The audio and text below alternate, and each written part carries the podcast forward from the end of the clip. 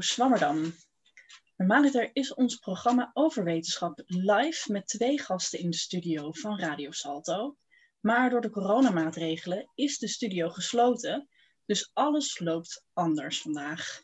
Mijn naam is Anke Spekman en ik ben met co-presentator en technicus Bob Hermans op bezoek bij Sarah Krombach. Bob, kon je het een beetje vinden vandaag? Nou, het was aardig goed te vinden, ja. Oké, nou we hadden een wat onstuimige start. Want we zitten hier ook uh, dus voor het eerst bij een gast thuis. Sarah, normaal zou ik je nu welkom heten in ons programma, maar ik wil nu beginnen met je te bedanken voor je gastvrijheid. Ik heet jullie welkom in dit geval. Ja, het is heel fijn dat we hier terecht kunnen. En uh, voor de luisteraar, um, misschien kan het voorkomen dat uh, je een trompet op de achtergrond hoort. Want uh, Sarah, jij bent zelf ook pianist? Ja, ik ben eigenlijk uh, muzikus, of eigenlijk, dat ben ik al mijn leven lang. Oost-Europa-deskundige ben ik iets minder lang. En ik woon in een huis met alleen maar muzici. Dus vandaar dat we nu een trompet bijvoorbeeld horen. Maar... Ja, het wordt een vrolijke uitzending met deze, deze trompetdeuntjes. Oké. Nou, naast um, Sarah Krombach zal ik vandaag ook Anneliese Bobeldijk interviewen. Wij zien haar hier op een scherm van een laptop. Heel fijn dat jij er virtueel bij kan zijn, Anneliese. Ja, dankjewel. En dankjewel voor de uitnodiging. Oké, nou vandaag ga ik het dus met Sarah Krombach en met Anneliese Bobeldijk hebben over hun onderzoek in Azerbeidzjan en in Wit-Rusland of in Belarus. Ik denk dat het interessant is om jullie onderzoek samen te bespreken, omdat het beide laat zien hoe gevoelig geschiedenis kan liggen. Sarah Krombach verdedigde vorig jaar aan de Universiteit van Amsterdam haar proefschrift met, het, met de titel Zia Bunyatov en de uitvinding van een Azerbeidzjaans verleden. Anneliese Bobeldijk is ook verbonden aan de Universiteit van Amsterdam en aan het NIOD, het Instituut voor Oorlogs, Holocaust en Genocidestudies. En zij werkt aan haar proefschrift over Mali Tratsanjet, een plek net buiten hoofdstad Minsk. En daar zullen we het zo dus ook uitgebreid over gaan hebben. Ik wil beginnen met jouw proefschrift, Sarah. Zou je kort willen vertellen wie Zia Bunyatov was? Ja, dat is uh, een vraag die uh, inderdaad die in Nederland vaak gesteld wordt, want hij is buiten Azerbeidzjan helemaal niet zo beroemd. In Azerbeidzjan uh, hoef, zal niemand die vraag stellen. Iedere tweejarige zeg maar, weet al wie Zia Bunyatov is. Want hij is, is een hele interessante figuur. Hij wordt gezien als de vader van de Azerbeidzjaanse geschiedschrijving. Hij heeft in uh, de post-Stalinistische Sovjet-Unie, dus laten we zeggen vanaf eind jaren, uh, de jaren 1958 zo'n beetje, toen begon hij uh, echt een historische kanon gemaakt voor Azerbeidzjan. Daarnaast was hij ook oorlogsheld. Dat wil zeggen, hij had de hoogste status van heldendom uit de Tweede Wereldoorlog. En dat maakte hem ook om die reden een bijna mythische figuur. Dus in Azerbeidzjan is hij echt iemand met een onvoorstelbare status. En het is zonder overdrijven kun je zeggen dat mensen echt de tranen in hun ogen krijgen wanneer je over Zia Bunyatov gaat praten. Zo, oké. Okay. Dus daar zit ook heel veel emotie bij. Maar heeft hij dan het Azerbeidzjaanse verleden uitgevonden? Nou, uh, dat mijn uh, titel is een beetje provocerend, zou je dat uh, wel kunnen noemen. Uh, maar het is niet helemaal. Uh, het is, het, het was, ik vind wel dat het heel goed de lading dekt. Het probleem was in Azerbeidzjan. Azerbeidzjan was um, eigenlijk meer dan duizend jaar een gekoloniseerde. Uh, het was nooit een land, eigenlijk een gekoloniseerd gebied.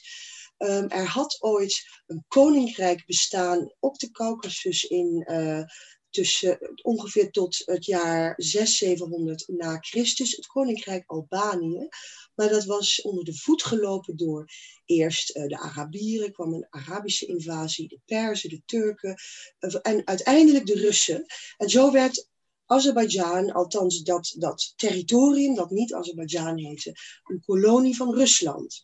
Dit, had, dit betekende ook dat woelige verleden, dat bijvoorbeeld de oorspronkelijke taal verdwenen was in Azerbeidzjan, dat was het Albanees geweest. Uh, het Azerbeidzjaans is een taal dat lijkt heel erg op het Turks. En het werd ook altijd gemakshalve Turks genoemd. Totdat Stalin in de jaren dertig um, het heel belangrijk vond dat alle Unierepublieken in de Sovjet-Unie, waar Azerbeidzjan er uh, één van was, dat die allemaal een duidelijk eigen verleden kregen. Nou, het feit dat Azerbeidzjan dus geen duidelijk afgebakend verleden had met een eigen taal en een eigen nationale identiteit, uh, dat had er ook voor gezorgd dat er nooit een duidelijke eigen geschiedschrijving was. Uh, um, er woonden ook in dat gebied van Azerbeidzjan veel Russen, veel Joden, veel Armeniërs. En die drie groepen hadden eigenlijk de geschiedschrijving uh, verzorgd van die hele regio tot ongeveer 1950. Dus dat wil zeggen dat de dominante kanon tot uh, ongeveer 1950, die was gemaakt door Armeniërs en Russen. En wat zeiden die over het Azerbeidzjaanse volk? Zij zeiden dat is een stelletje nieuwkomers, want namelijk Turkse nomaden die in de 12e eeuw zijn gekomen uh, naar de Caucasus. En dat had um, twee grote nadelen. Het ene nadeel was dat Azerisch, het Azerbeidzjaanse volk, werd afgeschilderd als barbaarse Turkse nomaden, die eigenlijk helemaal geen cultuur hadden. En het tweede nadeel was, ze waren nieuwkomers. Want binnen het Stalinistische beleid van het verdelen van territorium was het heel belangrijk dat je kon zeggen: Ik was hier eerst. Jullie waren hier misschien duizend jaar, maar wij zijn hier al 2000 jaar. Dat was een enorme wedijver. En in die wedijver had buurland Armenië een veel sterkere uitgangspositie. Omdat zij nog wel steeds bijvoorbeeld hun taal hadden bewaard, die ze al spraken in de vijfde eeuw. En zij hadden dus een hele uh, duidelijk gewortelde, stevige geschiedschrijving. Okay, en, maar je uh, had het ook net even over uh, Albanië. Albaniërs. Is dat nou op de Caucasus iets anders dan op de Balkan? Ja, dat is een heel ander land. Het heeft niets met elkaar te maken. De naam is in beide landen gegeven door de Romeinen. Het Romeinse Rijk zat in beide landen. Zij hebben die naam ooit gegeven. En dus het, het, staat helemaal los van elkaar. Ook de taal is een hele andere. Het uh, nou, Albanees is natuurlijk een taal die wij nog steeds kennen. Het Caucasus-Albanees, dat is volledig verdwenen. Omdat uh, na de Arabische invasie um, er voor een deel Arabisch werd gesproken in die tijd. En uh, de mensen die christelijk waren, die werden um, gemakshalve bij de Armeense kerk gevoegd. En een ander deel van de mensen, je had eigenlijk in dat gebied voor een deel christenen. En je had voor een deel mensen die Zarathustra, Zoroaster zoals die heet, aanhing. Nou, de Arabieren die uh, respecteerden wel christenen en joden, maar alle anderen niet. Dus alle anderen die moesten uh, zich bekeren tot de islam. Daarmee is ook de islam in Azerbeidzjan gekomen. En um, voor zover mensen, uh, dus Albanese, christelijk wilden blijven, of al, dat al waren, uh, werden zij bij die Armeense kerk gevoegd. Dat heeft ook en, voor een deel van die mensen geldt dat die bijvoorbeeld in Nagorno-Karabakh leefden. Het, grappige eigenlijk van deze visie is dat men in Azerbeidzjan zegt, nou die mensen in, in Armenië, dat zijn eigenlijk uh, gearmeniseerde Albanese. Dus het zijn eigenlijk Azerbeidzjaanse mensen zonder dat ze het willen waarhebben. Uh, dat is een belangrijke visie bijvoorbeeld op die bevolkingsgroep. En dat is een visie die Zia Bunyatov als eerste heeft gelanceerd. Oké, okay, dus dat werkt tot het heden door. Tot het heden werkt het door. Voor mij is dit natuurlijk een buitengewoon uh, interessante tijd. Dit conflict is uh, 30 jaar lang uh, bevroren geweest. En het, ik heb het nu, spreek ik dus niet over Azerbeidzjan zozeer, maar over Nagorno-Karabakh, een provincie van Azerbeidzjan, die bezet is door uh, de Armeense bevolking van die provincie. Het was een gemengde provincie. Het conflict is een beetje te vergelijken met Kosovo bijvoorbeeld. En die, dat conflict is bevroren sinds 1994. Dat wil zeggen, iedereen is boos op elkaar natuurlijk. En het gebied was de facto, heet dat, bezet door Armenië. Maar nu is er weer een nieuwe oorlog. En uh, in die oorlog is Azerbeidzjan duidelijk aan de winnende hand. Dus dit is voor het eerst dat je een, werkelijk een, kentering ziet.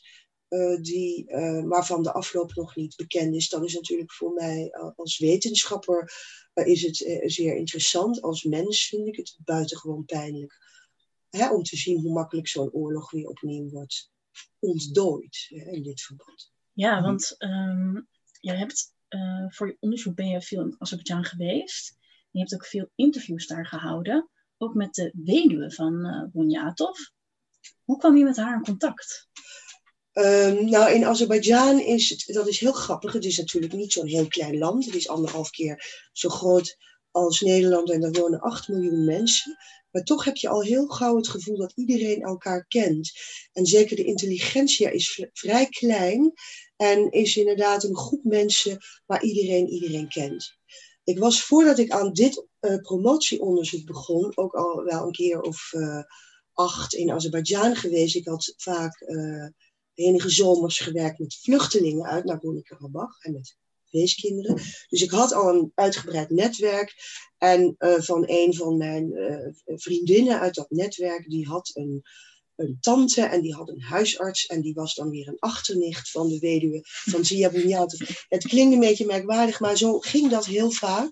Uh, dus ik heb inderdaad heel veel interviews moeten doen voor mijn onderzoek, aangezien het thema zo gevoelig ligt dat heel veel archieven die voor mij van belang waren, die waren uh, amper toegankelijk. Dus dat maakte interviews heel belangrijk. En Zia Bunyatov is geboren in 1923 en zijn weduwe was geboren in 1925. Dus, en zij is zeer oud geworden, was ook buitengewoon uh, scherp en goed bij haar verstand. absoluut niet dementerend. Dus zij was voor mij een hele interessante gesprekspartner. Ik heb haar minstens tien keer geïnterviewd. En inmiddels is ze overleden, um, vijf jaar geleden, dus 90 ja, jaar daar hadden we het ook al even over in het voorgesprek. En toen kwam ook te sprake dat het misschien voor, ja, voor Beatos weduwe misschien maar beter is geweest of fijner is geweest dat ze de uh, publicatie van jouw proefschrift niet meer heeft meegemaakt. Want, hoe waren de reacties daarop? De reacties, nou ja, ik, ik, dit is natuurlijk, je komt uh, in, uh, ook je komt in een soort uh, emotionele spagaat bij dit soort dingen. Want ik heb heel veel mensen geïnterviewd. Daar waren goede vrienden bij, uh, collega's, uh, familieleden, maar ook, ook vijanden bijvoorbeeld van Dunjatov. En ook collega's die minder blij met hem waren, of ex-studenten of ex-promovendi die minder blij waren met Dunjatov. En um, Kijk, de, de, uh, de vrienden en de familie die gingen er gemakshalve van uit dat ik een, natuurlijk een soort hagiografie zou gaan schrijven. Want ja, hoe zou dat anders gekund hebben? Hè? Het is echt een, uh, een, een, een, held die buiten kijf staat. Uh, en het is natuurlijk geen hagiografie geworden. Ik wilde eigenlijk een, een kritische analyse maken. Ik wilde, mijn doel was eigenlijk het bestuderen van mythevorming dus de mythevorming omtrent zo'n persoonlijkheid en de mythevorming omtrent zo'n historische kanon. Hoe gaat dat in zijn werk? Welke elementen zijn belangrijk in die mythe? En vervolgens wilde ik, nou misschien niet per se die mythe ondermijnen, maar als je gaat zien uit welke elementen die mythes zijn opgebouwd, dan kun je ook begrijpen wat zijn de functies van die mythe. Waar dienen ze toe? Nu, hier, vandaag. Bijvoorbeeld met betrekking tot Nagorno-Karabakh. Um, en inderdaad was, uh, ik denk dat de, weduwe niet blij was, een nichtje van Bunyatov die het archief beheert, die mij zeer mondjesmaat alleen maar zorgvuldig uitgezochte positieve dingen uh, te zien uh, gaf. Die was ook zeer boos en zeer bedroefd. Zij heeft mij meerdere malen vervloekt per WhatsApp en op het internet. En uh, inderdaad waren de reacties na mijn, uh, met name eigenlijk begon het na mijn promotie, dat is precies een jaar geleden. Um, daar waren mensen aanwezig van de Armeense ambassade. De Azerbeidzjaanse ambassade is uh, niet gekomen. Die had ik wel uitgenodigd, want ik had daar eigenlijk redelijk goede contacten mee. Ik heb daar vaak concerten gegeven, bijvoorbeeld. Maar goed, de Armeense ambassade heeft eh, de titel van mijn proefschrift vertaald en was daarmee zo in, in uh, haar nopjes, dat, ze, dat de dag daarna ontdekte, of twee dagen later, ontdekte ik per toeval in uh, enige tientallen Russisch-talige Armeense kranten, dat er uh, lovende recensies stonden. Ze hadden, konden onmogelijk mijn proefschrift gelezen hebben in twee dagen tijd. Maar uh, ik werd afgeschilderd als uh, nou, fantastisch iemand die eindelijk in het Westen deze charlatan uh, ontmaskert en deze hele geschiedschrijving ontmaskert als één brok verzinsels. En dat is helemaal niet. Uh, dat dekt op geen enkele manier de lading van mijn verhaal. Dus ik was des duivels toen ik dat las. En ik wist ook, nou, nu, nu krijg je natuurlijk aan de andere kant reacties. En inderdaad, eerst waren de reacties, zeg maar, binnen 24 uur uh, op sociale media of in reacties op die Russisch-talige kranten las je, nou deze trut moet dood of uh, nou iets van gelijke orde. Dat is later meer salonveeg geworden, die kritiek. Uh, dus maar toen, dat wil zeggen, toen ging de Academie van Wetenschappen zich hierover buigen en zij hebben mensen aan het werk gezet om onmiddellijk zo snel mogelijk mijn proefschrift te vertalen, want niemand kon goed genoeg Engels om te begrijpen wat er stond. Ze hebben, dus mijn werk is nu, was al binnen een week vertaald in het Azerbeidzjaans. En ik denk dat niemand een proefschrift heeft dat binnen één week zoveel gelezen is. Dat is dan wel de leuke kant. Maar ik vond het toen natuurlijk niet zo leuk. En uh, er, er, kwamen allerlei dreigementen, maar nu iets, iets uh, zeg maar, niet van die trut moet dood, maar meer we moeten een rechtszaak aanspannen. Want ze, oh ja, ze oh ja, een belangrijk detail, Ziabunjatov is vermoord. En volgens de regering is dat gebeurd door leden van Hezbollah. Want men zoekt een reden om in 1997 Hezbollah te verbieden. Maar ik, uh, toon, of ik toon niet aan, maar op basis van interviews en uh, dingen die geschreven zijn, zeg ik dat vermoedelijk de regering daarachter zit. Dus mijn, de regering werd ook laten we zeggen, door de academie aangemoedigd om een rechtszaak te beginnen. Dus ik was ook, ik heb echt slapeloze nachten natuurlijk gehad. Um, is die rechtszaak er gekomen? Is die rechtszaak is er niet gekomen. De UvA is, uh, dat was natuurlijk onmiddellijk op de hoogte, hebben mij uh, zeg maar achter de schermen gesteund. Uh, niet, helaas niet in het openbaar. Dat vind ik betreurenswaardig. Dus ze hebben niet op een of andere manier een persbericht gestuurd of gereageerd op die Azerbeidzjaanse kranten en artikelen, maar achter de schermen wel. En ze zeiden, nou ja, als er een rechtszaak komt, wij staan natuurlijk als één man achter jou en maak je daar geen zorgen over. En die rechtszaak is er uh, niet gekomen. Uh, dus ja, die zal er ook. Ze hebben nu andere dingen aan hun hoofd, zou ik denken. Ja, dus, nou, het is dus een hele controversiële ja, nasleven heeft het ja. heeft gekregen. Ja. Anneliese, ik wil graag naar jou. Jouw PhD-onderzoek gaat over Mali Trotsenets, als ik het goed uitspreek. Hoe ziet die plek eruit? Um, je bedoelt nu of, of vroeger? Of... Nou, als je daar nu komt, hoe ziet die plek eruit? Uh, de plek Mali Trosnets is een heel klein dorpje vlak buiten Minsk. En uh, tijdens de Tweede Wereldoorlog lag het uh, zo'n nou, zo'n 14 kilometer buiten Minsk. En vandaag de dag ligt het eigenlijk, grenst het aan een buitenwijk van Minsk. Um, dus als je, um, Mali Trosnets is nog altijd een heel klein dorpje, uh, waar nog altijd uh, mensen wonen. Maar de plek uh, waar het kamp Mali Trosnets heeft gestaan, dat, dat grenst dus aan deze buitenwijk. Dus als je, nou ja, je moet je voorstellen dat daar flats staan met 30 verdiepingen in allerlei bijzondere kleuren. Uh, er ligt een supermarkt en uh, nou ja, daarbuiten ligt dus, vlak daarnaast ligt een uh, enorm monument ter nagedachtenis aan, aan dit kamp wat er is geweest tussen 1941 of 42 en 44. Oké, ja, en op een bordje van, van een monument bij uh, Malit staat wie er vermoord zijn in het bos. Ik citeer leden van de antifascistische ondergrondse strijd en de partizanenbeweging, de krijgsgevangenen van het Rode Leger, de gevangenen van het ghetto van Minsk en de Joodse bevolking gedeporteerd uit Oostenrijk, Duitsland, Tsjechië, Polen en andere Europese landen. Waarom worden Wit-Russische Joden hier niet direct genoemd? Um, Nou, het is misschien goed om iets te zeggen over de geschiedenis van Mali Trosniets. Ehm, het kamp Mali Trosniets, dat was een kogels voor de Tweede Wereldoorlog. Dus dat was een, uh, een, uh, een, een, gemeenschappelijke uh, boerderij, als je dat zou vertalen. Um, deze is overgenomen door de SS in 1942 en daar is een, een klein uh, dwangarbeidskamp gemaakt.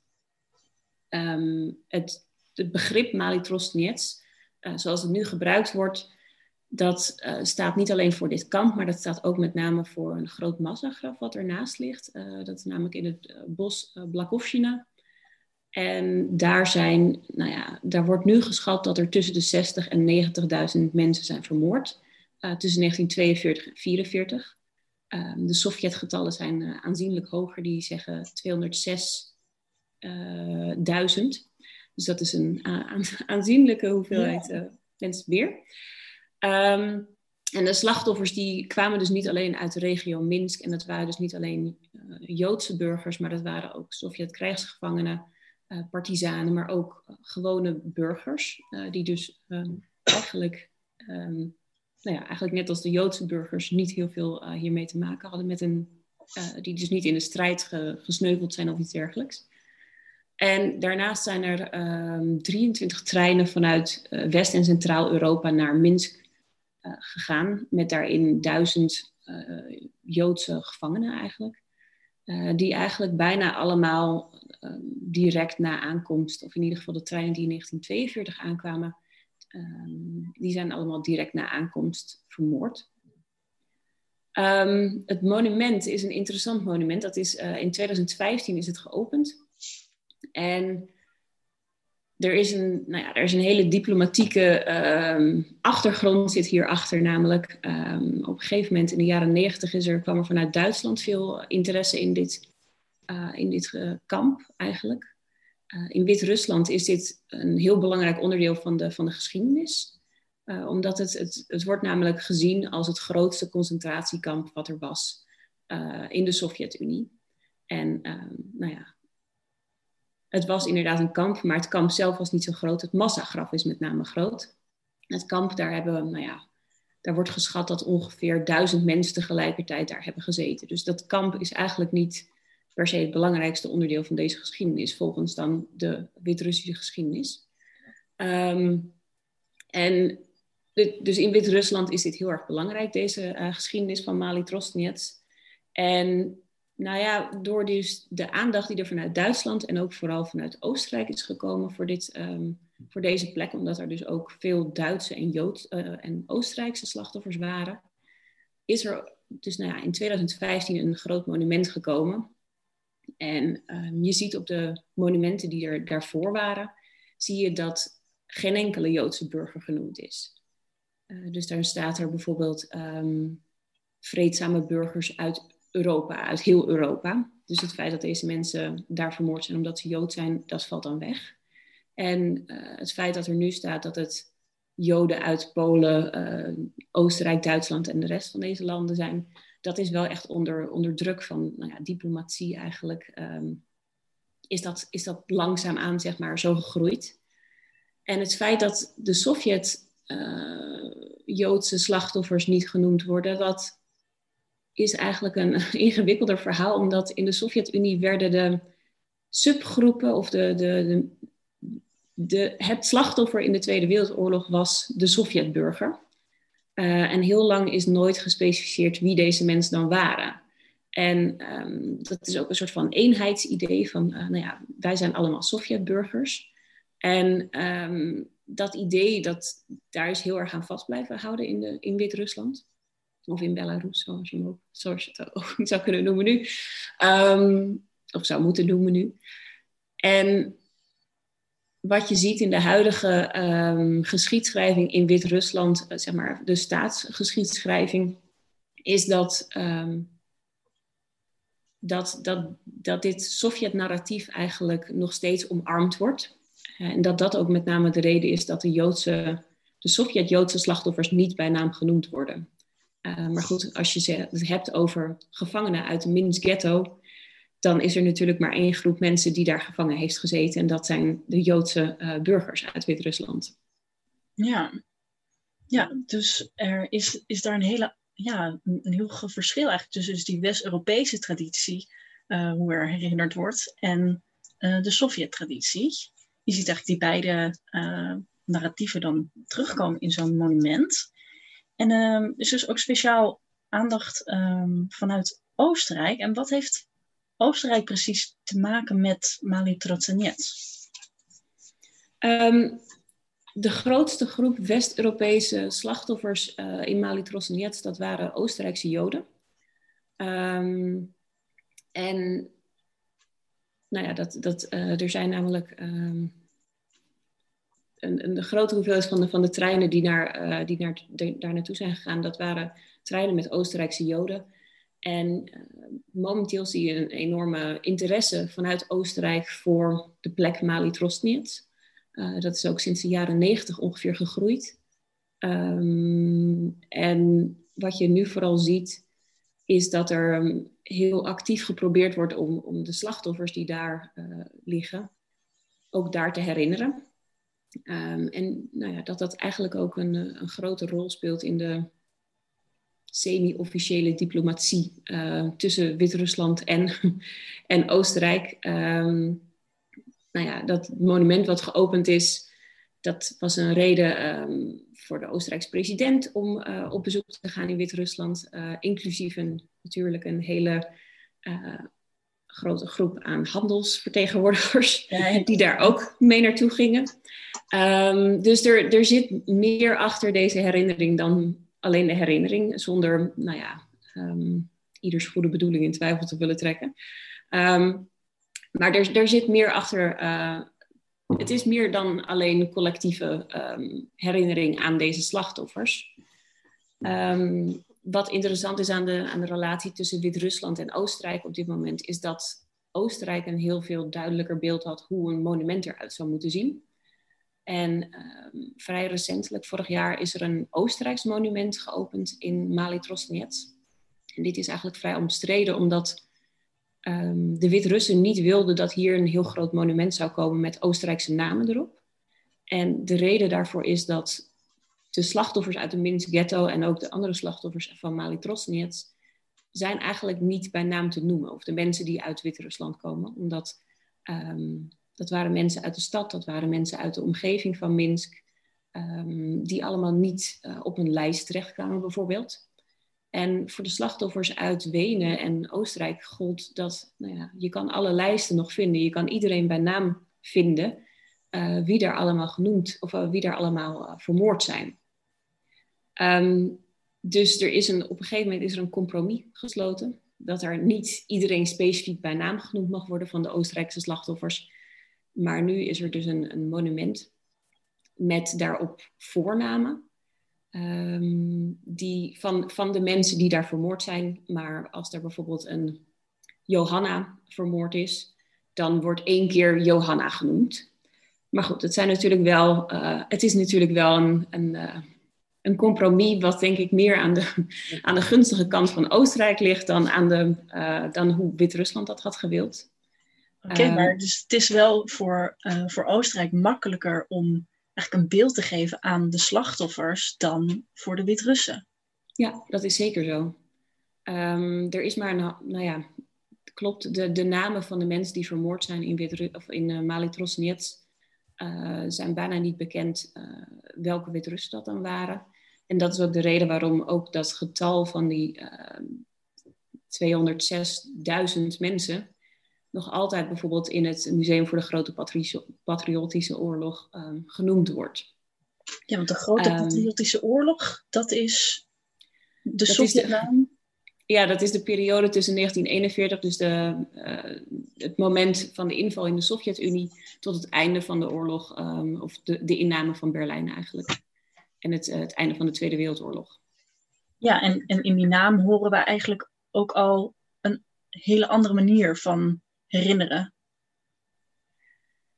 Um, ik weet niet of het een hele andere manier, een hele andere manier dan waar. Nou joh, dan... als we het vergelijken met um, um, Tweede Wereldoorlog, is, nou, dus is een getal en patriotisch ja. klinkt gelijk veel bombastischer of nationalistischer? Klopt. Ehm, ja, het narratief van de grote patriotische oorlog, is, nou ja, dat gaat wel echt om heldendom. En ehm, wat Sarah natuurlijk net ook al zei over, uh, over, de, uh, over deze schrijver van de Armeense of uh, van de Azerbeidzjaanse geschiedenis, dat hij held van de Sovjet-Unie was, dat zijn wel aspecten die daarbij horen. Minsk is bijvoorbeeld uitgeroepen tot heldenstad. Um, vanwege de rol die het heeft gespeeld tijdens de Tweede Wereldoorlog. Dus er wordt inderdaad um, op een, nou ja, inderdaad een wat bombastischere manier misschien gekeken naar hoe, hoe deze uh, geschiedenis uh, uh, heeft plaatsgevonden. En daarnaast wordt daarin ook heel erg de rol van het Rode Leger, hoe, nou ja, hoe machtig dat was. En in Wit-Rusland zelf dan de, de grote rol van de partizanen, um, die nou ja, behoorlijke invloed hebben gehad op de loop van de Tweede Wereldoorlog in Wit-Rusland. die worden vooral heel erg geroemd hierin. Ja, ja, Sarah, herken jij dat ook? Uh, ja, um, dat is inderdaad grappig. Ik moest uh, nu onmiddellijk denken. In Rusland, men spreekt soms wel ook wel over Tweede Wereldoorlog, maar de algemene benaming is uh, de Grote Patriotische Oorlog. Het grappige is um, dat ik in Azerbeidzjaanse kranten nu zag, we hebben een nieuwe Grote Patriotische Oorlog. Met, even, in, met tegen Armenië, nu in Nagorno-Karabakh. Dus dat, is, dat hele begrip leeft heel erg. Ik wil je twee dingen aan toevoegen, in, want uh, wat Anneliese zegt, ja, dat herken ik heel goed. Kijk, één ding is inderdaad die oorlog met dat patriotische, dat gebruik van dat woord, zit hem ook erin dat de hele erfenis van die oorlog, hoe men daar nu tegenaan kijkt, uh, is veel meer ook geworden van de hele wereld tegen ons. En het, het Sovjet-patriotisme was eigenlijk de grote morele winnaar. En daarbij worden de andere geallieerden uh, een beetje naar de achtergrond geschoven. Maar een ander ding wat ik er ook aan wil toevoegen. Kijk, voor de Sovjet-Unie was die oorlog niet te vergelijken met wat die oorlog voor Amerika was of voor de meeste West-Europese landen. In uh, de, uh, de, uh, de, de, mate waarin mensen hebben geleden, zo, zowel Joden als gewone burgers, in wat Timothy Snyder de bloedlanden noemt, dus Wit-Rusland, Oekraïne, Polen, dat is niet te vergelijken met, met een land als Nederland bijvoorbeeld. En dus in die zin is het ook wel te begrijpen. Ze hebben in Rusland ook uiteraard nu geen bevrijdingsdag, de dag van de overwinning op 9 mei. Um, dus daar zitten natuurlijk meer kanten aan. Maar inderdaad, die grote patriotische oorlogen, dat is een. Uh, het, wordt toch daarmee ook een beetje opgeëist als een oorlog van het, de Sovjet-Unie tegen het kwaad van de rest van de wereld. Toch, uh, Annelies? Dat, dat is wat je vaak voelt bij herdenkingen nu, hè? In, in Moskou bijvoorbeeld, nu de huidige 9 mei. Ja, klopt. Je ziet dat ook heel erg nou ja, bij dit uh, monument, bijvoorbeeld voor Mali Trosnets. Dat heet dan The Gates of Memory. Um, ja, daar zie je dus dat de speech die uh, Lukashenko gaf, of president Lukashenko, de president van, uh, nou ja, wie weet nog, de president van... Uh, is pas uitgezonden, dus wie weet is alles alweer veranderd. Ja. ja, ik weet niet of dat in een week zal gebeuren nog, maar het is te hopen misschien. Um, maar hij haalt ook heel erg aan dat uh, sommige mensen de geschiedenis willen herschrijven van, van de grote patriotische oorlog. En dat het volgens hem heel goed is dat, uh, dat, dat dit monument uh, bij, bij Mali Trosnets dus de historische waarheid laat zien over nou ja, de heldenmoed van de Sovjetmens. En hij zegt dan letterlijk van wie de Wit-Russen afstammen. Dus hij trekt ook direct de, de link tussen de Sovjetmens en de Wit-Rus. Um, en ja, uh, je, je ziet hierin ook heel erg inderdaad uh, wat jij ook zegt. Um, wat daarin belangrijk is, de, is het lijden van, van de, de Sovjetmens.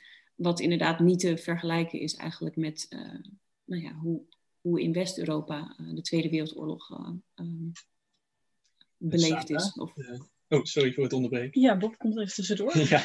Uh, Sarah, hoe zit het dan in uh, Azerbeidzjan eigenlijk met de Sovjetmensen? Hoe zien, kijken zij daar tegenaan? Uh, daar ligt dat heel anders. Die, die erfenis wordt heel anders beoordeeld in Azerbeidzjan wanneer je dat vergelijkt met bijvoorbeeld Wit-Rusland of en zeker ook met Rusland. die, die erfenis is er in zoverre nog wel dat bijvoorbeeld zo'n heldenstatus van Azerbeidzjaanse mensen, van Zia Bunyatov, dat wordt hoogelijk gewaardeerd. Ook het idee en ook het, de eigen heldenstatus van de Unierepubliek toen, Azerbeidzjan, uh, die een rol heeft gespeeld in um, de, de overwinning van die oorlog. Maar um, Azerbeidzjan heeft veel meer afstand genomen van, van Rusland sinds eh, de jaren negentig eigenlijk. Niet dat ze eh, heel vijandig zijn, het is niet zoals Georgië of de Baltische Staten, absoluut niet. En nu die, wordt die band met het nieuwe vredesakkoord dat Poetin heeft gesloten vorige week, wordt die band waarschijnlijk nog iets warmer. Maar er, is wel, er wordt meer afstand genomen. En dus, dus men kijkt bijvoorbeeld naar het Sovjetverleden toch als een beetje een ongewenst verleden van een, een, nou, men heeft postkoloniale trauma's ook. Hè. Het idee is, wij waren in 1918, Azerbeidzjan was twee jaar onafhankelijk in 1918 tot 1920. En um, daar, daar, is men heel trots op. Bijvoorbeeld, dit was het eerste moslimland met men had vrouwenkiesrecht bijvoorbeeld, nou, ongeveer dus op hetzelfde moment als in Nederland, het scheelt één jaar of zo. Um, dat heette de Eerste Azerbeidzjaanse Democratische Republiek. Je moet je natuurlijk afvragen hoe democratisch dat werkelijk was. Maar er was een coalitieregering van, met verschillende partijen. En het idee is, die Sovjet-Unie is daar overheen gewalst. En die hebben eigenlijk onze, ons land gewoon 70 jaar uh, lam gelegd. En uitgemolken ook. Hè. Azerbeidzjan is olierijk. Dus men voelde zich ook een beetje een soort um, melkkoe van de Sovjet-Unie. Dat idee is uh, heel, niet helemaal terecht. Want juist die natievorming is heel erg aangewakkerd en ontwikkeld door Moskou en de Sovjet-Unie. Maar dat gevoel leeft wel. Het grappige is um, bijvoorbeeld een heel klein detail. Maar ik was een, een 9 mei werd heel klein gevierd in Azerbeidzjan, maar het werd altijd wel gevierd. Ik ben ook vaak in Rusland geweest op 9 mei en dat zijn echt enorme parades in Moskou en uh, Petersburg. Maar um, de laatste keer dat ik er was, toen maakten ze het wel heel gortig. Want toen hebben ze 9 mei uh, afgeschaft. En op 10 mei, dat was de verjaardag van de vader van de huidige president, de, de vroegere president, Gedar Aliyev, eigenlijk de eerste president van Azerbeidzjan. Die was op 10 mei jarig. Dus ze hebben zelfs ook die hele uh, uh, dag van de overwinning gewoon afgeschaft. En vervangen door een dag later, 10 mei, de verjaardag van Gedar Aliyev. En dat heet dan bloemendag. Dus dat, dat soort uh, jubilea en dat soort inderdaad standbeelden, hoe zien die eruit? Die zeggen heel veel over, um, over hoe, hoe, men inderdaad dat verleden beoordeelt of herbeoordeelt. Ja, we gaan zo weer verder met praten over het verleden en hoe dat verleden gevormd wordt en herinnert. Ik wil nu even naar de column. Die is geschreven en ingesproken door Teun Dominicus. Laten we gaan luisteren.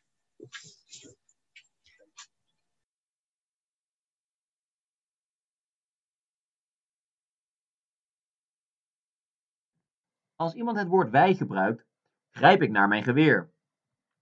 Niet omdat ik denk dat ik autonoom of een verheven individu ben dat alles zelf kan regelen. De enigen die genieten van mijn mislukte moestuin zijn de konijnen die mijn net geplante bloemkolen en spinazie tot op de bodem oppeuzelen.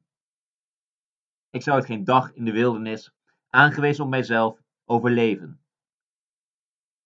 Waar het mij om gaat, is dat mensen, bijvoorbeeld je baas, een minister, de coach van je voetbalteam in de rust van een regenachtige wedstrijd waarbij je al met 6-0 achter staat, graag spreken over dat wij een probleem hebben en dat wij harder moeten werken, of onze baan verliezen, of salaris moeten inleveren, of niet moeten zeuren over de doorweekte kleren. Alles zodat hij later de egaar, meer zetels in de Kamer of in vette bonus krijgt en ik alleen een schouderklopje. En dat hij daarna in mijn oor fluistert dat hebben we dan weer mooi geflikt. Maar het is niet alleen het woord wij dat bij mij een allergische reactie opwekt. Tijdgeest, hartjoe! Mijn afweersysteem verraadt dat er een oplichter in de buurt is.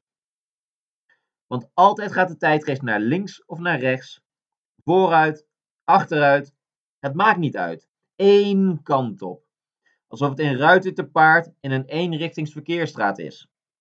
En dat is natuurlijk onzin. Luie denkers. Laat ik eens een willekeurig persoon bedenken. Mark, 53 jaar oud, vrijgezel, oud Unilever manager, pianoliefhebber en premier van het land, maken gebruik van het idee tijdgeest door te stellen dat de wereld die ene kant op gaat. Toevallig, uiteraard, zeer toevallig, diezelfde rechtse kant op waar hij hem ook graag op ziet gaan. Tja, hij kan er natuurlijk ook niets aan doen. De natuurlijke loop der dingen. De politieke tegenstanders moeten zich maar daarnaar voegen, want alleen fantasten keren zich tegen een doordenderende trein. En gelukkig zwaait Mark ons nog even toe vanuit de controlekamer en trekt met zijn VVD-voertuig de tijdgeest voort. Volksaard is zo'n ander begrip dat bij mij de rillingen over de rug laat lopen. Ik denk dat mijn weigering om in het midden van de maand enkele rondjes te geven in de kroeg, tenminste in die goede oude tijd dat er nog zoiets als kroegen en rondjes bestonden. De enige rondjes die ik nu maak zijn die in het aangelegde Amsterdamse bos dat natuur wordt genoemd. Die weigering meer te maken heeft met de afschaffing van de studiefinanciering dan met mijn Nederlands paspoort. Het is sowieso wel grappig. Die onveranderlijke karaktereigenschap die wordt toegeschreven aan een groep waarvan de leden om het paar jaar helemaal worden vervangen.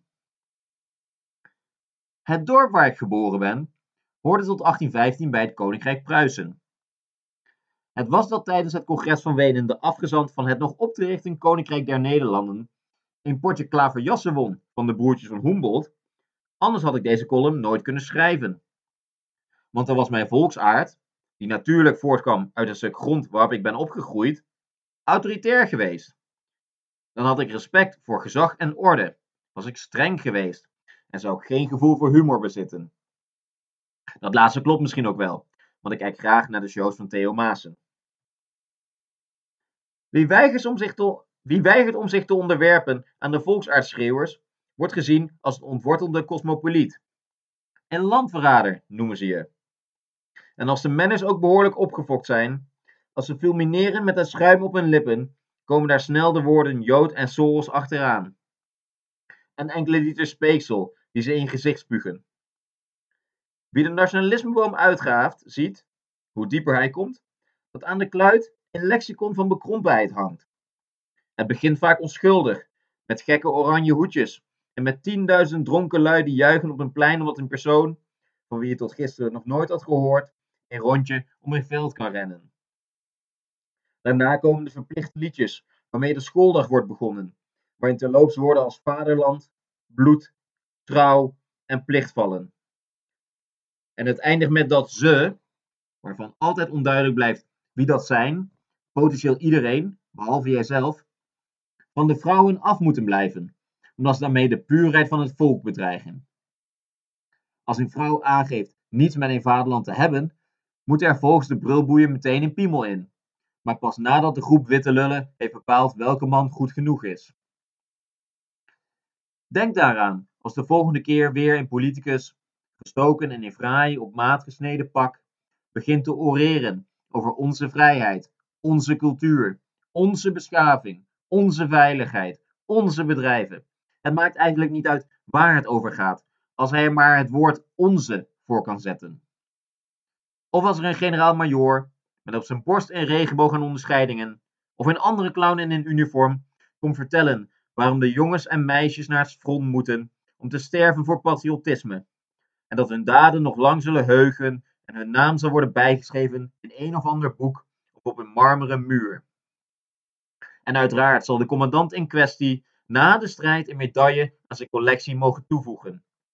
Vanwege leiderschap of doorzettingsvermogen, die hij toonde van achter een bureau, honderden kilometers van de kogels, de kraters en de doden vandaan. Ik kijk uit naar de dag dat de politici en legeraanvoerders iedereen naar het front roepen en dat niemand komt opdagen. Een lege vlakte. Stilte. Er kan een kanonskogel worden afgevuurd zonder dat iemand wordt geraakt.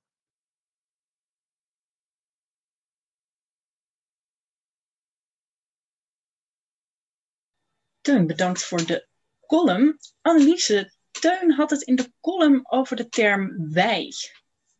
Draagt de geschiedenis van Mali Tratanets voor de Wit-Russen bij aan een wijgevoel?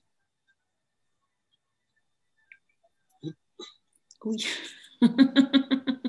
dat is een interessante vraag. Ehm, ik denk dat ehm, als je kijkt naar hoe de geschiedenis van de ehm, Tweede Wereldoorlog in Wit-Rusland herdacht wordt, dat je zou kunnen zeggen dat het op, nou ja, op drie à vier pijlers uh, rust, waarom, waar, waarvan één Malitrosniet is. Dus um, ik weet niet of dat bijdraagt aan een bijgevoel. Dus of de gemiddelde Wit-Rus, ik denk met name nu, um, dat gevoel heeft. Um, dat, dat deze geschiedenis bijdraagt aan een bijgevoel. misschien voor, voor meneer Lukashenko wel. omdat hij dat wel in zijn speeches uh, zegt natuurlijk. Maar ik vraag het me ten eerste af of dat ook zo werkt voor de gemiddelde burger. Maar ja. Ja, dus voor Lukashenko misschien wel, maar voor de opponent niet. Nee, dat ja. Um, ja, ik denk eigenlijk op dit moment dat dat. Um, wat je ziet is dat de geschiedenis wordt, uh, wordt, wordt veel gebruikt. Eigenlijk, dat is natuurlijk hier ook. Um, eigenlijk wat Teun zei over dat, dat er natuurlijk wordt voortgeborduurd op, um, nou ja, op een vaderlandse geschiedenis, waardoor we ons verbonden zouden voelen. Um, ik denk dat je dat ook erg ziet in, in, in Wit-Rusland. En het interessante is dat nu bijvoorbeeld ook de geschiedenis weer wordt aangehaald. Eigenlijk hetzelfde wat Sarah zei over de grote patriotische oorlog die nu weer gevoerd wordt. Um, dat zie je nu eigenlijk hetzelfde in Wit-Rusland gebeuren. Uh, toevallig zag ik een paar dagen geleden op Twitter een bericht voorbij komen met demonstranten die het bordje omhoog hielden. 1937 is 2020. Uh, waarbij ze natuurlijk verwezen naar de grote terreur onder Stalin. Uh, waarbij ook een grote hoeveelheid van de intelligentsia in Wit-Rusland vermoord is. Um, dus je ziet dat er terugverwezen wordt naar deze geschiedenis. Ik of dat bijdraagt aan een bijgevoel, dat zou ik niet op deze manier durven zeggen, maar het wordt dus zeker gebruikt. Oké. Als uh, referentiekader. Ja, dus um, het is nog niet heel makkelijk om daar even iets uh, in orde over te geven. Maar um, uh, Sarah, ik wil graag aan jou vragen. Um, waarom, waarom is er nooit eerder een biografie over Bunyatov geschreven als hij wel zo'n mythische status heeft? Uh, dat is inderdaad een, een, een hele goede vraag. Ik heb me dat ook vaak afgevraagd. Uh, ik, want um, ik zocht daar natuurlijk ook naar toen ik begon met die biografie.